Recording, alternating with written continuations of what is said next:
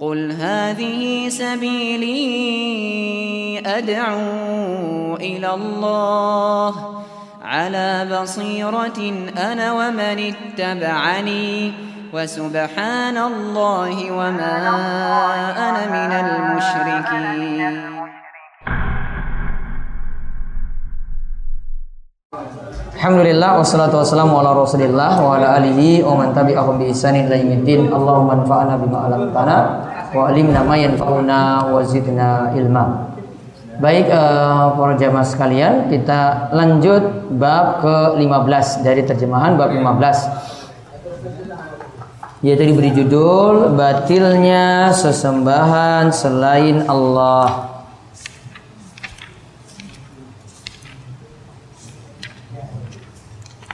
Batilnya sesembahan selain Allah. Namun kalau Syekh Muhammad itu langsung judul babnya langsung masuk ke ayat. Ayusyrikuna ma la yakhluqu syai'an wa hum yukhlaqun. Judul babnya langsung masuk ke ayat. Baik. Kita lihat beberapa ayat bab ini intinya ditulis inti judul bab ini atau maksud judul bab ini untuk menerangkan bab ini menerangkan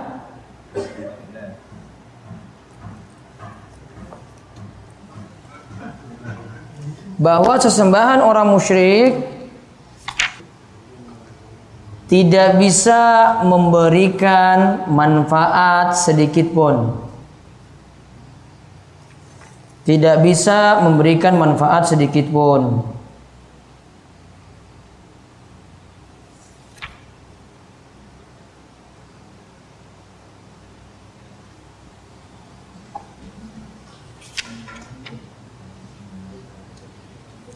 Sampai pun Nabi SAW juga tidak bisa memberikan manfaat.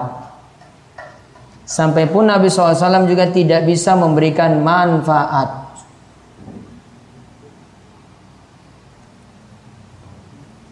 Jadi Nabi mau nolong kita pun tidak bisa. Allah yang menolong bukan Nabi Muhammad yang menolong. Maka doa tidak boleh tujukan pada Nabi. Jadi semua dalam bab ini ditunjukkan sesembahan orang musyrik semuanya itu lemah, tidak punya daya apa-apa untuk menolong kita. Sampai nanti dicontohkan Nabi sendiri tidak bisa menolong kita, Nabi Muhammad sendiri tidak bisa menolong kita. Nah, sekarang lihat ada dua ayat ada hadis tiga dalam bab ini yang nanti akan membuktikan hal tadi.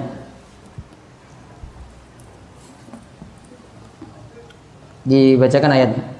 A'udzu billahi minasy syaithanir rajim.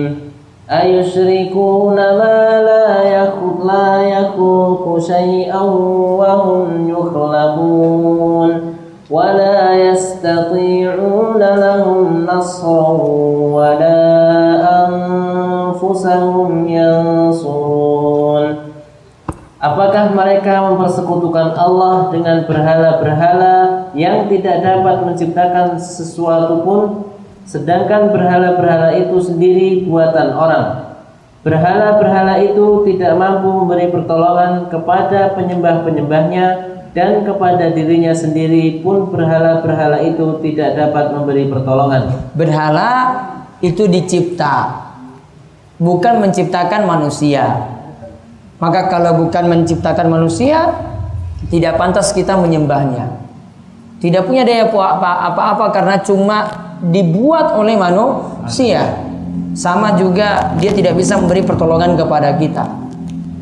Maka di garis bawahi Apakah mereka mempersekutukan Allah dengan berhala-berhala yang tidak dapat menciptakan sesuatu pun? Sedangkan berhala-berhala itu sendiri buatan orang. Artinya menunjukkan berhala tadi itu lemah. Uang dibuat manusia.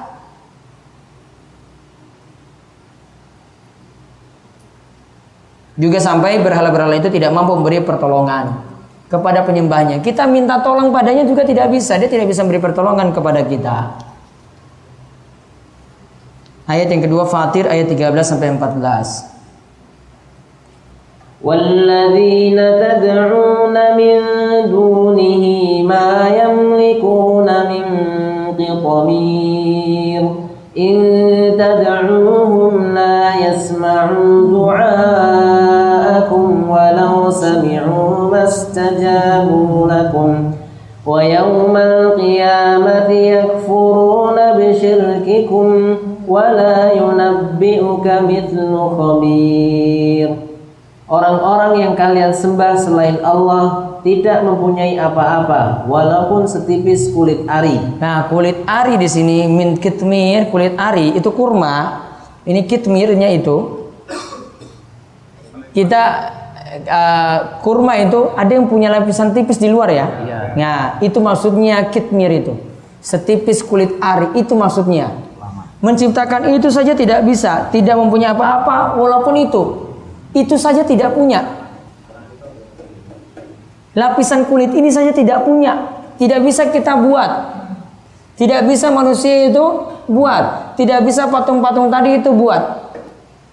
Terus Jika kalian menyeru mereka, mereka tiada mendengar seruanmu. Nah, mau disuruh nggak punya telinga nggak bisa dengar. Terus, Kalaupun mereka mendengar, mereka tidak dapat memperkenankan permintaan kalian. yang di dalam kubur mau kita berdoa padanya, taruhlah dia dengar. Mau kabulkan nggak bisa. Yang kabulkan doa itu Allah. Terus, Pada hari kiamat, mereka akan mengingkari kemusyrikan kalian.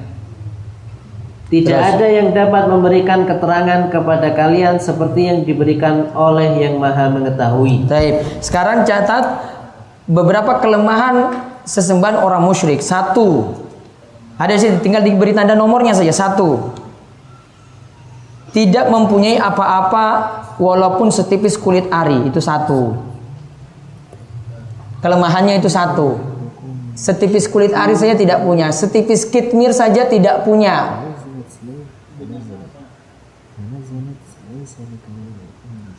Dua, kelemahannya. Jika kita menyeru mereka, mereka tidak mendengar seruan kita. Ya, tak? Kita mau dia tidak bisa dengar. Kelemahan kedua. Jika kita menyeru mereka, mereka tidak mendengar.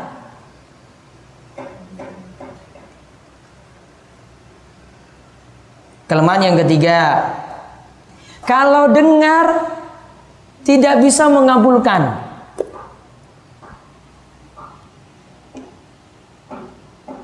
Kalau dengar tidak bisa mengabulkan. Yang pertama tadi apa? Ma yamlikuna min kitmir, tidak punya sesuatu pun walaupun setipis kulit ari tadi. Setipis kulit saja tidak punya. Satu. Tidak punya apa-apa. Dua. Tidak bisa mendengar. Tiga. Kalau bisa mendengar pun tidak bisa mengabulkan. Kelemahannya ini sudah terbantahkan di situ. Tambah nanti pada hari kiamat sesembahan ini akan mengingkari orang-orang yang menyembah. Enggak, saya enggak suruh kalian menyembah saya. Saya enggak suruh kalian itu berdoa-doa pada saya. Termasuk wali-wali yang ditujukan doa juga seperti dia ingkari. Ada yang berdoa kepada Syekh Abdul Qadir Jailani. Pernah dengar enggak? Nah. Abdul Qadir Jailani itu orang soleh sebenarnya, namun salah disikapi. Dikira Syekh Abdul Qadir Jailani ini nantinya yang nanti ngabulkan doa-doa mereka atau sebagai bentuk tawasulan. Keliru. Ya, Syekh Abdul Qadir Jailani itu alus sunnah. Pemahamannya benar, namun disikapi oleh orang-orang salah. Dia akan ingkari tadi kalau ada yang menyembah dirinya. Terus diriwayatkan Diriwayatkan dalam Sahih Bukhari dari Anas radhiyallahu anhu, dia menuturkan bahwa pada perang Uhud, sujud Nabi sallallahu alaihi wasallam yauma Uhudin wa kusirat rubaiyatuhu. Faqala kaifa yuflihu qaumun shajju nabiyahum fanazalat laisa laka minal amri syai'un. Nabi Shallallahu Alaihi Wasallam terluka pada bagian kepalanya dan gigi taringnya patah. Beliau lantas bersabda, Bagaimana akan beruntung suatu kaum yang melukai Nabi mereka?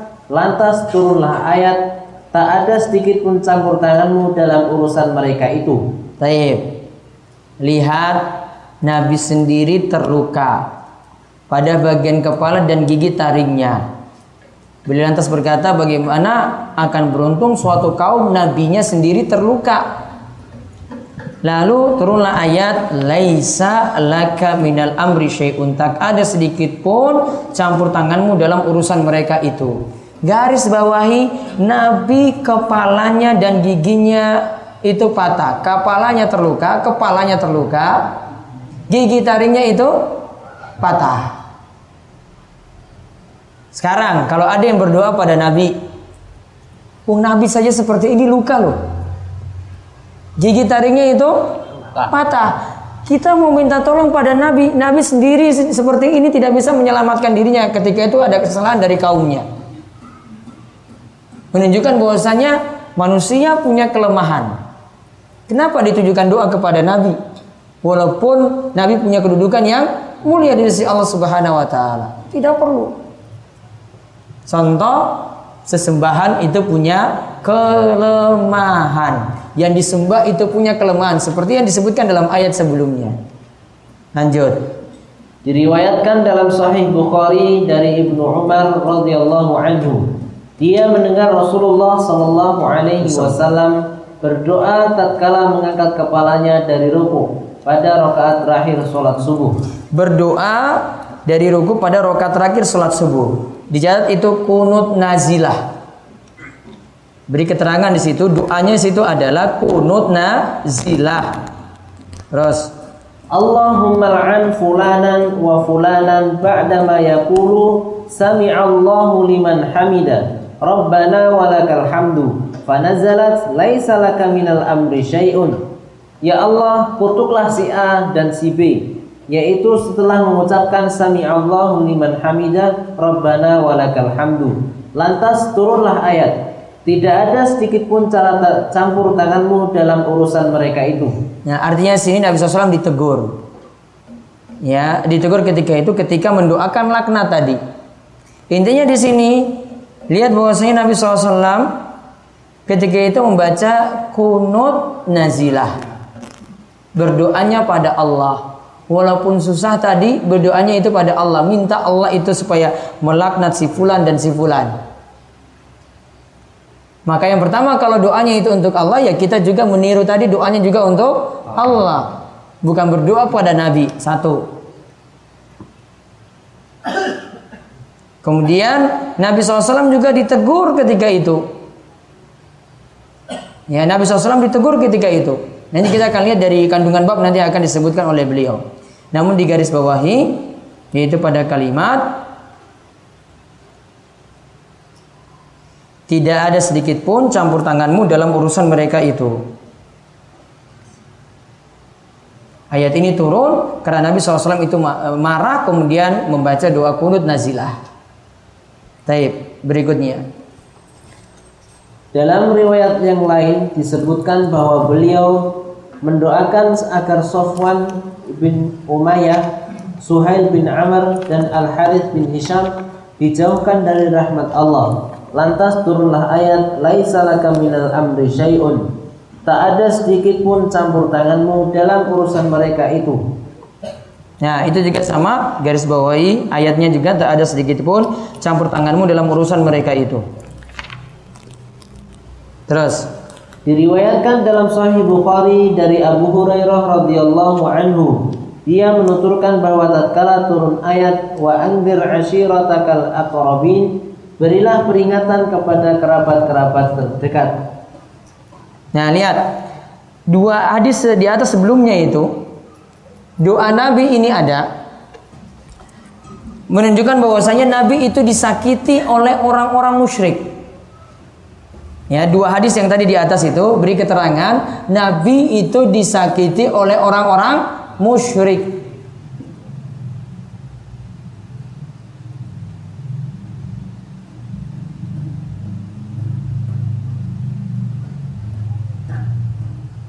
Nabi itu disakiti oleh orang-orang musyrik.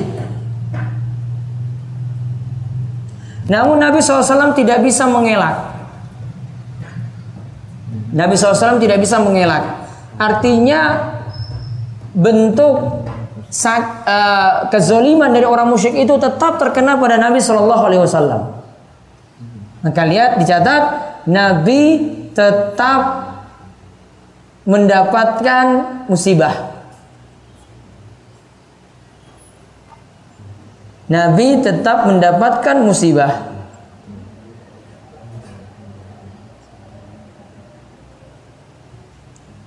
Sehingga jadi dalil bahwa sesuatu yang disembah punya ke, kelemahan. Sesuatu yang disembah punya kelemahan. Termasuk juga dengan wali-wali Allah. Jadi jangan menganggap wali Allah itu sempurna, nggak mungkin disakiti, nggak mungkin dizolimi. Kalau disakiti itu bisa kebal tidak? Wong tadi saya tidak kebal kan? Terluka nggak tadi Nabi? Terluka tidak terluka? Tidak ada kekebalan di situ. Jadi kalau ada yang kemudian dibacok itu apa ada kebal, wah ini tanda tanya wong Nabi saja tidak pakai ilmu kebal. Luka ya tetap luka, patah ya gigi tetap patah. Jadi Nabi SAW disakiti di sini. Lemah. Iya. Sesuatu yang disembah selain Allah. Jadi sesuatu yang disembah selain Allah itu lemah. Bukan apa? Ya, jadi sesuatu yang disembah selain Allah itu punya kelemahan. Tadi saya tulis apa? Coba tadi yang, yang ditulis tadi apa? Kelemahan sesembahan orang-orang Sesuatu yang disembah. Setiap sesembahan selain Allah punya kelemahan. Setiap sesembahan selain Allah itu punya kelemahan. Tulis seperti itu biar jelas.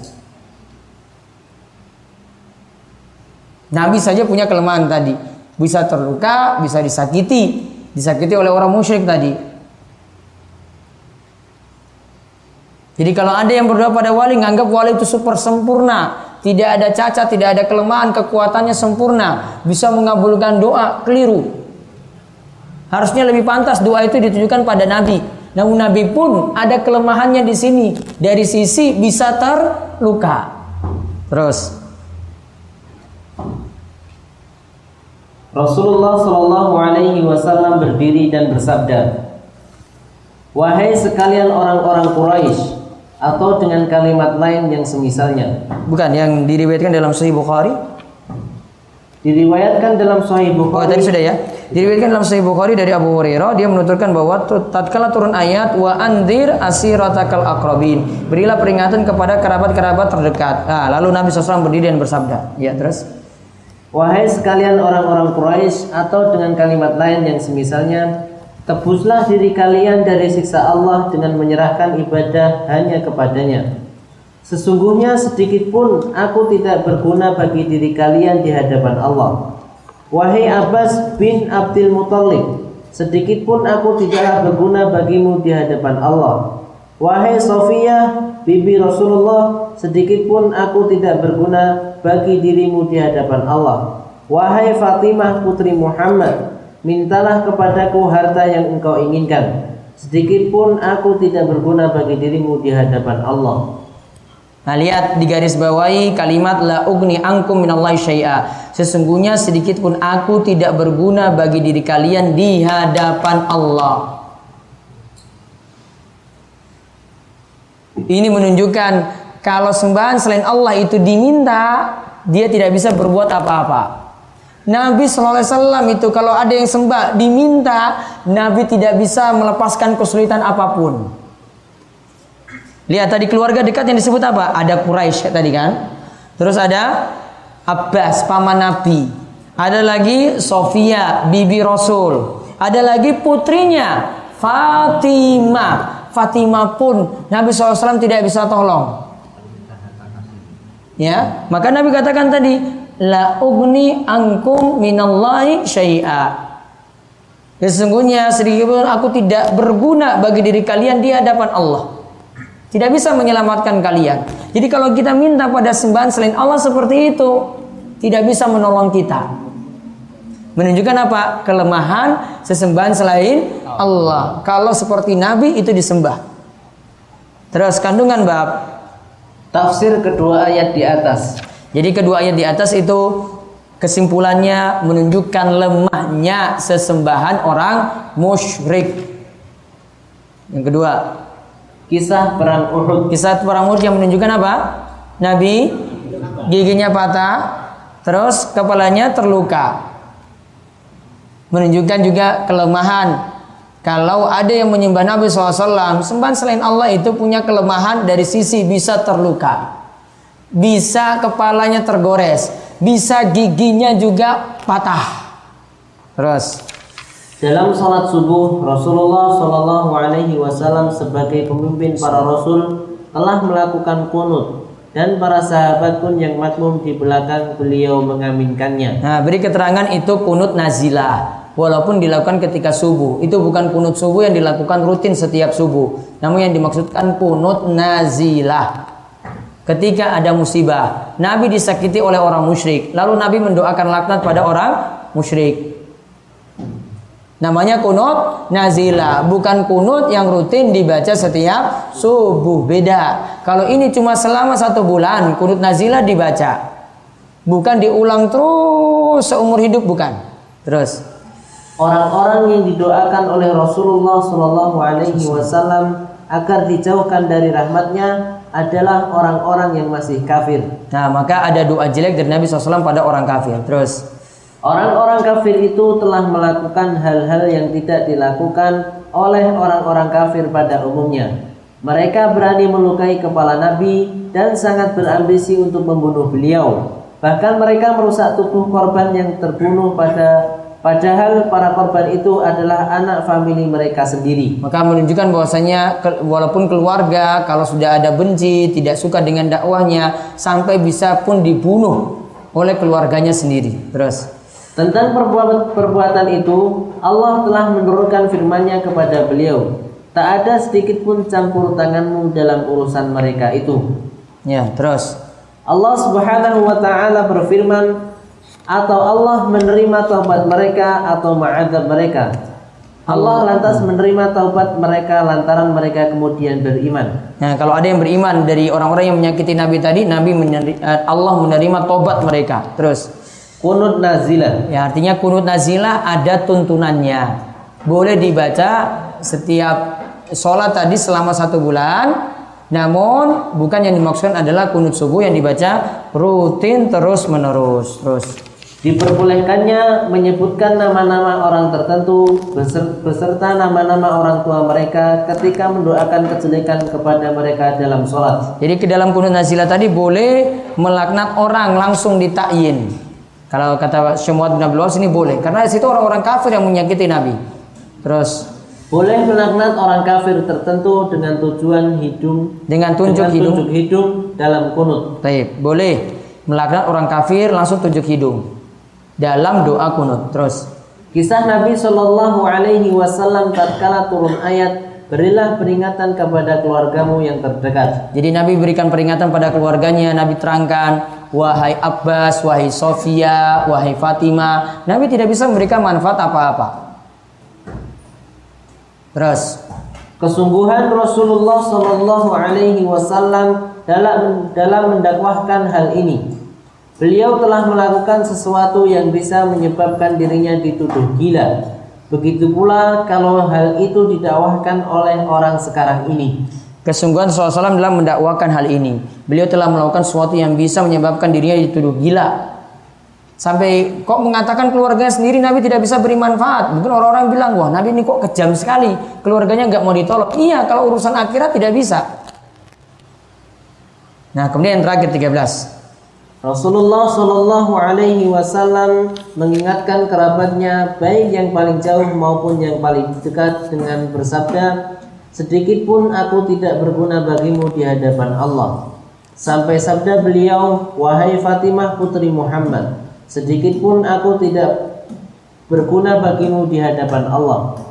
Rasulullah Shallallahu Alaihi Wasallam sebagai pemimpin para rasul saja mengatakan dengan terang-terangan bahwa dirinya tidak berguna bagi Fatimah, pemimpin para wanita di alam ini.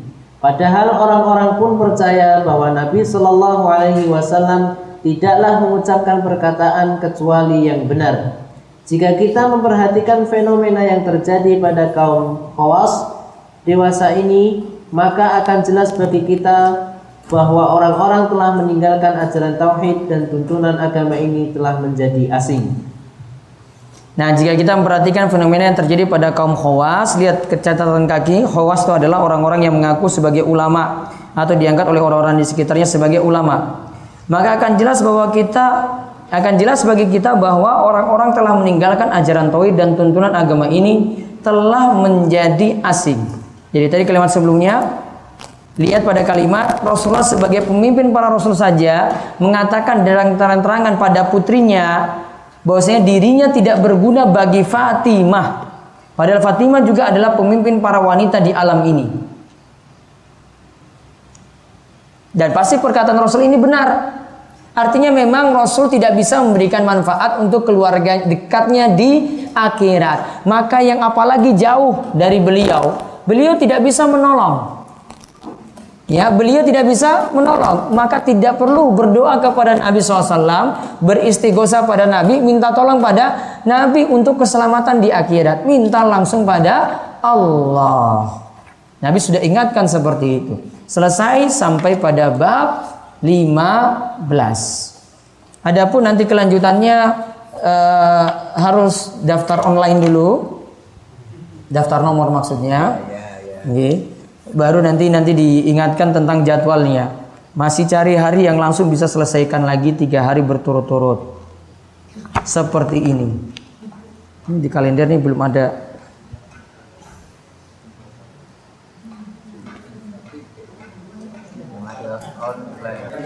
Ada pertanyaan?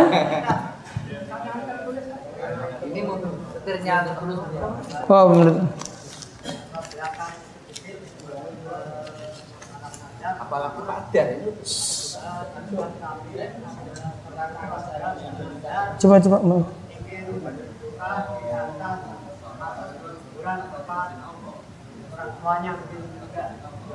Oh, ada yang berdoa di kuburan orang tuanya yang telah meninggal.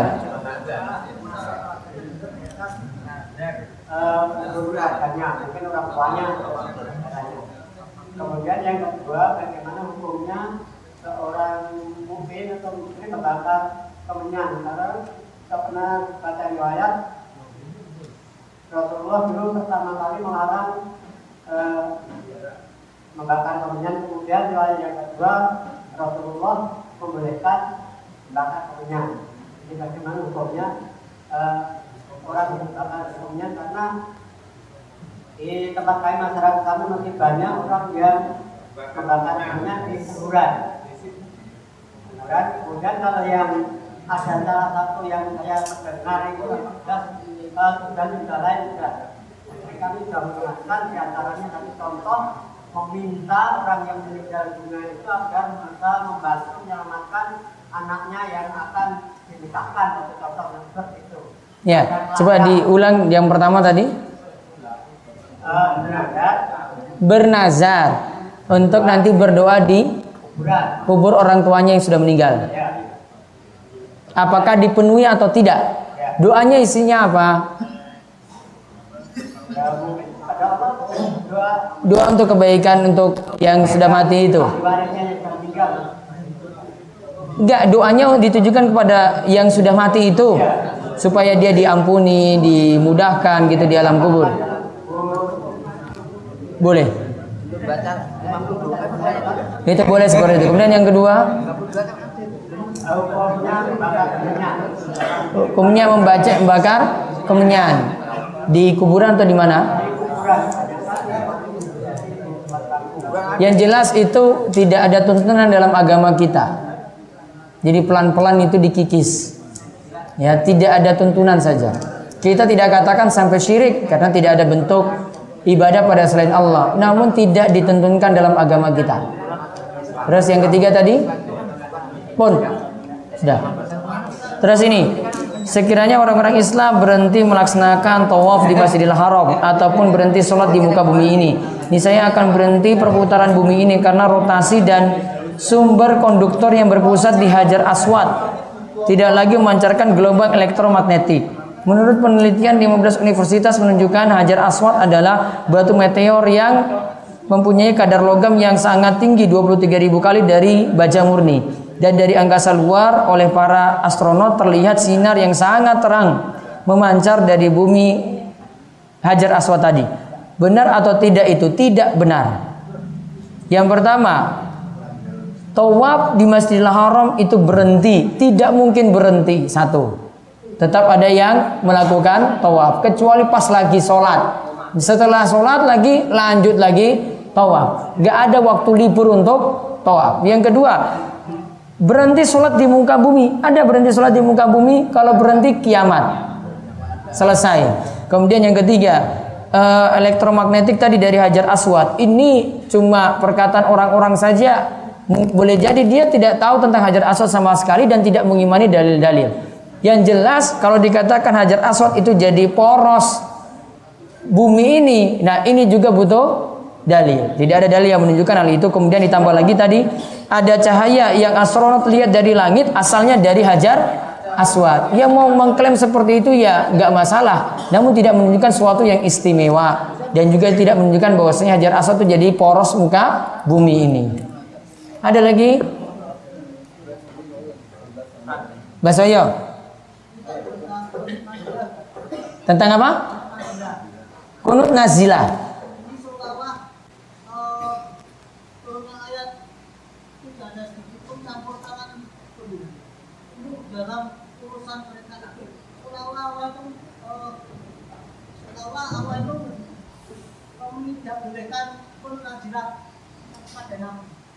Bukan tidak membolehkan kunut nazilah pada Nabi. Nabi sudah terluka ketika itu, ya sudah terjadi terjadi.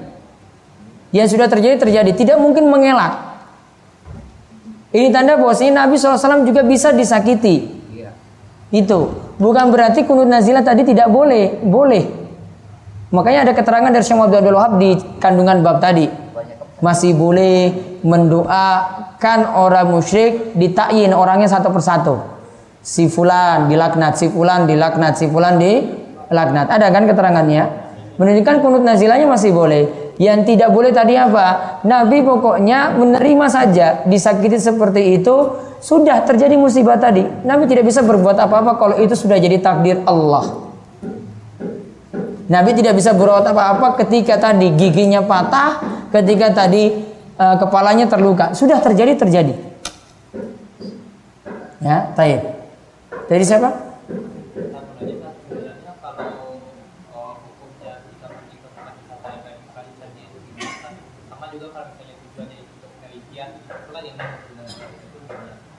Taib. Yang pertama tadi wisata ke candi. Boleh nggak tadi? Jalan-jalan tidak boleh. Ya, asalnya tidak boleh ke situ. Walaupun tadi itu tidak ini. Ada foto-foto para ulama tentang hal itu. Alasan persisnya ya bisa jadi kita katakan bahwasanya ditakutkan nanti azab Allah turun di situ. Karena mereka nanti ada yang berbuat syirik di situ. Ya, kemudian nanti menunjukkan kita cuma setuju-setuju saja dan tidak ada pengingkaran atau tidak ada mengingkari dalam hati. Baiknya tidak ke situ. Ada foto-foto ulama juga yang melarang seperti ini, tidak boleh pergi ke candi-candi semacam tadi. Kita tidak bahas di sini boleh nggak sholat di situ, ya ini pembahasan lain. Namun baiknya tidak seperti itu untuk datang untuk mengunjungi tempat tadi. Kalau penelitian yang diteliti apa? Untuk tujuan apa? Bagusnya kalau dapat tempat yang punya muslim lebih bagus daripada meneliti sejarah non muslim. Baik. Yang ke Jogja, eh, maaf, yang dari Jogja boleh daftar ini tadi, kajian takmir. Apa? Oh maaf, yang ke Jogja nanti daftar ke Mas Edi untuk mau diantar turun ke pulang ke Jogja. Daftar lagi, daftar lagi namanya. Berapa orang mau dihitung kendaraannya berapa? Gitu maksudnya. Gitu ya? Baik. Karena kemarin kan ada yang dijemput dari Jogja ya. Bawa sini ya, ini mau diantar pulang lagi ke tempat tujuan. Ya, kalau yang di Wonosari ya pulang sendiri, yang di Wonosari pulang sendiri. Ya, pulang sendiri. Wis mulai dewi. Nyawen pulang lagi sendiri. Purwosari wis ngerti jalan. Sudah ya? Hah. Hiasan dinding, kaligrafi, tulisan Allah Muhammad. Nah, nanti pembahasannya lain lagi kalau Allah Muhammad disejajarkan tidak boleh. Ya, tidak boleh. Dan nanti tergantung keyakinan juga di sini. Kalau keyakinannya untuk melindungi rumah biar tidak diganggu setan dengan memajang lafaz Allah dan lafaz Muhammad tadi, baiknya tidak. Tidak perlu. Kalau ada keyakinan seperti itu apalagi tidak perlu. Sama dengan majang ayat kursi yang kemarin kita sudah bahas.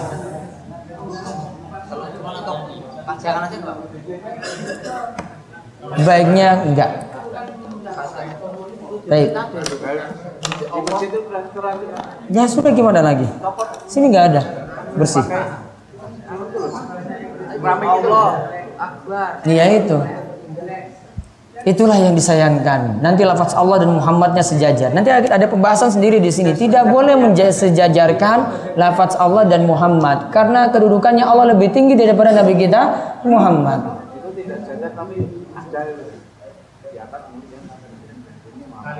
Sebenarnya tidak perlu juga dipasang. Wallahu a'lam.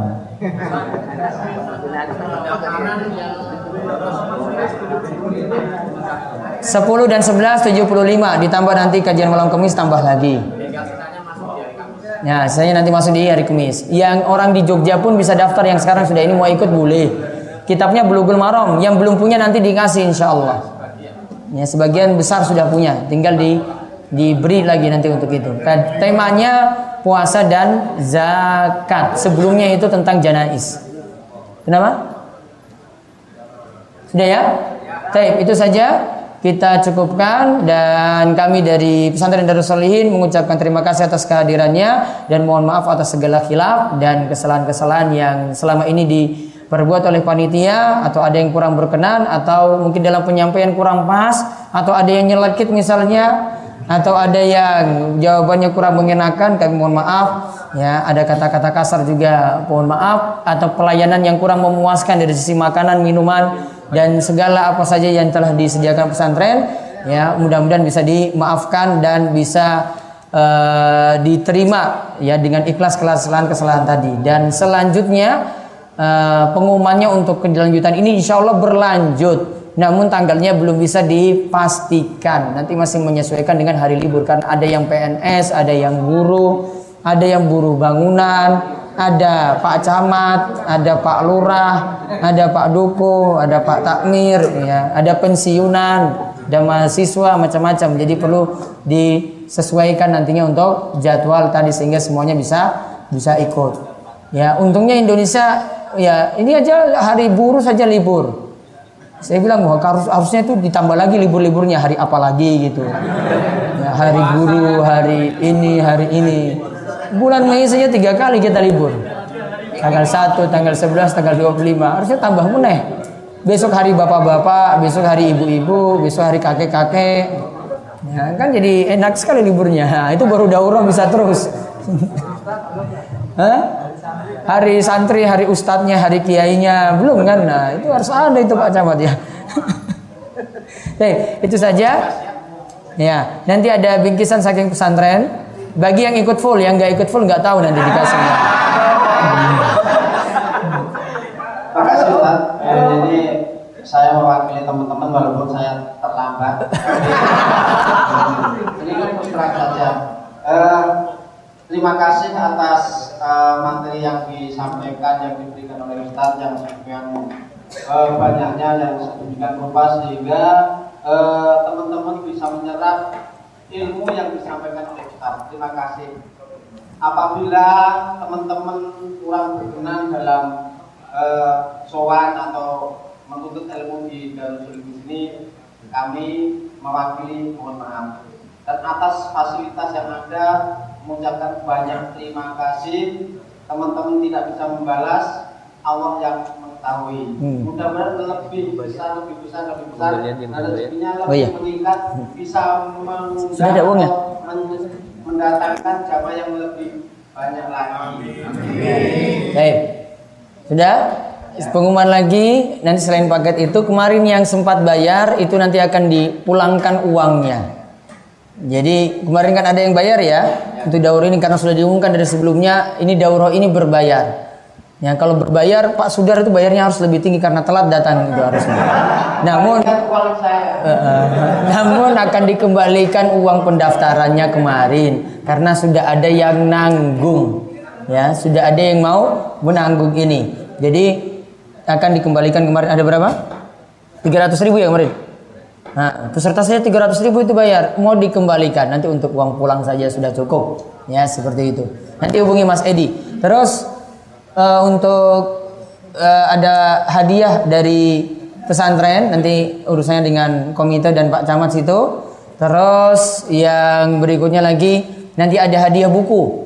Buku yang kami tulis dari penerbit Rumaiso terbitkan itu nanti akan dibagikan buku-buku terbaru ada tiga buku. Insya Allah sudah diisi dengan tas Rumaiso dengan pakai tas Rumaiso. Bagi yang sudah punya buku itu nggak apa-apa nanti bisa beri kepada orang lain sebagai hadiah. Nih, ya seperti itu. atas semuanya Ya. ya. Itu saja kita tutup dulu. Habis itu foto di depan sini. Foto. Ini foto depan sini.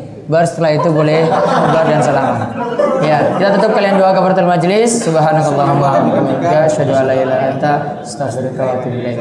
Assalamualaikum warahmatullahi wabarakatuh.